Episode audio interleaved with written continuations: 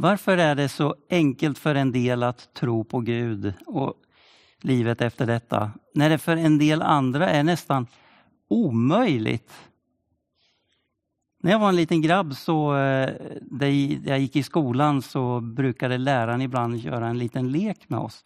Och Det handlade om att man skulle gömma nyckeln. Och eh, Då tog man nyckelknippan eller nyckeln och så gömde hon eller någon annan den i klassen. Och Så fick man komma in och leta efter den och eh, fråga fågel, fisk eller mittemellan. Och det var ju om det var högt upp eller om det var nere på golvet eller någonstans mitt emellan. Och så skulle man hitta det där. Ibland kan det verka som att Gud har gömt nyckeln för oss människor. Nyckeln till den eviga frågan om livets mening och Guds existens. Har du någon gång letat i väskan efter nycklarna och så upptäckt att du faktiskt redan håller dem i handen? Det händer ibland. Jag vill under den här predikan visa dig att nyckeln är dig kanske mycket närmare än vad du inser. När Jesus talar om detta så säger han i Matteus 11 och 25, där vi redan har hört Miranda läsa.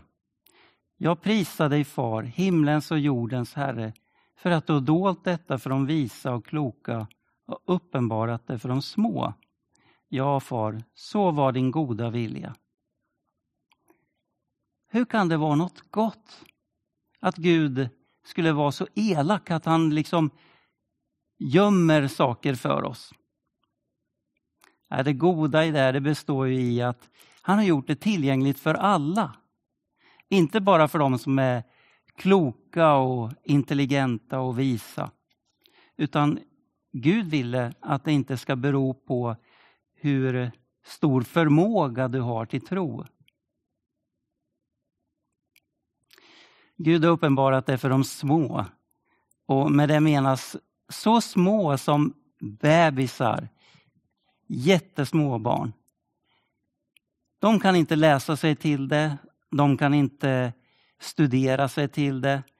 Eh, de saknar förmågan egentligen att framställa svåra religiösa, krångliga läror. Tron behöver upptäckas på ett helt annat sätt, med barns ögon. Och Jesus han lyfter upp barnen, han lyfter fram dem. När lärjungarna eh, försöker att prata om vem som är störst av, eh, Eh, vem som är störst av dem, då säger Jesus till dem, lyssna, Matteus 18 och 2. Då kallade han till sig ett barn och ställde det mitt ibland dem och sa Jag säger i sanningen, om ni inte omvänder er och blir som barnen kommer ni inte in i himmelriket. Den som ödmjukar sig som det här barnet, han är den störste i himmelriket. Gud är ju inte emot vishet och kunskap, men när vi börjar se på oss själva som visa och kloka och kanske till och med se ner på dem som har en barnslig och enkel tro på Jesus, då inser vi inte att vi letar efter något svårt när det lätta redan finns liksom i handen. Vi behöver, tror jag, omvända oss ifrån att tro på vår egen stora förmåga och istället lita på Jesus. Jesaja 5 och 21 säger Ve dem som är visa i sina egna ögon och håller sig själva för kloka. Världen är full av tom vishet, skulle jag vilja påstå. Och I första Korintierbrevet 3.18 skriver Paulus Bedra inte er själva. Om någon av er tycker sig vara vis i den här världen måste han först bli en dåre för att bli vis. Den här världens visdom är nämligen dårskap inför Gud. Det står skrivet, han fångar de visa i deras slughet. Och vidare, Herren känner de visas tankar, han vet att de är tomma. Många religioner och läror och tekniker har utvecklats av oss människor för att komma i kontakt med det gudomliga. Men för att lära känna Gud, då finns det egentligen bara en väg och det är Jesus. I den texten som Miranda läste så, så sa Jesus, allt har min far överlämnat till mig och ingen känner sonen utom fadern. Inte heller känner någon fadern utom sonen och den som sonen vill uppenbara honom för. Sonen Jesus vill uppenbara Gud Fadern för oss. När det kommer till vishet så i andra Kolosserbrevet 2.3 så står det i honom, alltså i Jesus, är vishetens och kunskapens alla skatter gömda. Alla skatter. Allt finns i Jesus. Men hur ska vi närma oss det här då? Och I första Korinthierbrevet 8 och i vers 1 så står det Kunskapen gör oss uppblåsta medan kärleken bygger upp. Kärleken öppnar för en verklig kunskap om Gud. Bibeln säger faktiskt att Gud är kärlek. Och kärleken för oss in i en relation med Jesus och Jesus visar oss faktiskt vem Gud är. Jesus vill inget hellre än att uppenbara Gud för dig och för mig. Det är ju därför han kom till den här jorden. I Jesaja 29 och vers 18. Den dagen ska de döva höra bokens ord och de blindas ögon se ur dunkel och mörker. De ödmjuka ska få allt större glädje i Herren. De fattigaste bland människor ska fröjda sig i Israels helige. Jesus gör detta omöjliga möjligt. Att se Gud, det är omöjligt, men i Jesus kan vi se honom. Vi kan både se och höra. Till och med de blinda kan se.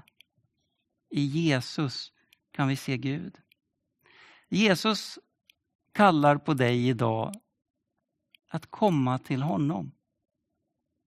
Kom till mig, hörde vi i texten. Alla ni som arbetar och är tyngda av bördor, så ska jag ge er vila. Ta på er mitt ok och lär av mig, för jag är mild och ödmjuk i hjärtat. Då ska ni finna ro för era själar. För mitt ok är milt och min börda är lätt. I första anblicken kan man tycka att den här texten, vad har den att göra med det vi tidigare har läst om vishet och kunskap? Men då ska du veta att även på Jesu tid fanns det läror och religiösa idéer som var som tunga ok på människorna. Och tänk vilken lättnad det är då att inte behöva stödja sig och förlita sig på sin förmåga och hur mycket man har läst och tagit reda på utbildning och, och, och sin stora vishet. Utan att istället få lära sig tro av Jesus själv.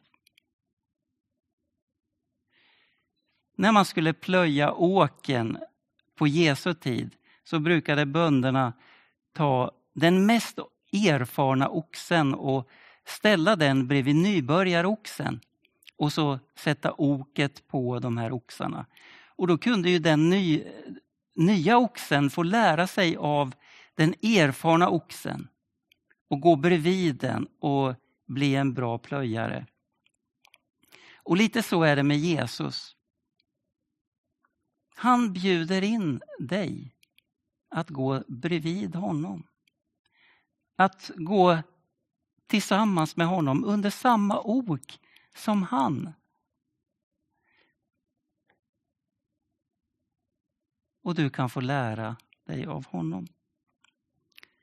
Det mest kloka och visa som jag tror både du och jag kan göra idag, det är att på ett barnsligt sätt öppna upp våra hjärtan och upptäcka Jesu kärlek, gå bredvid honom och lära oss av honom.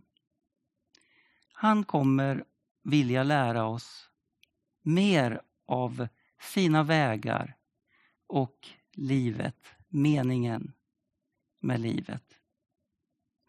Nyckeln den är i din hand.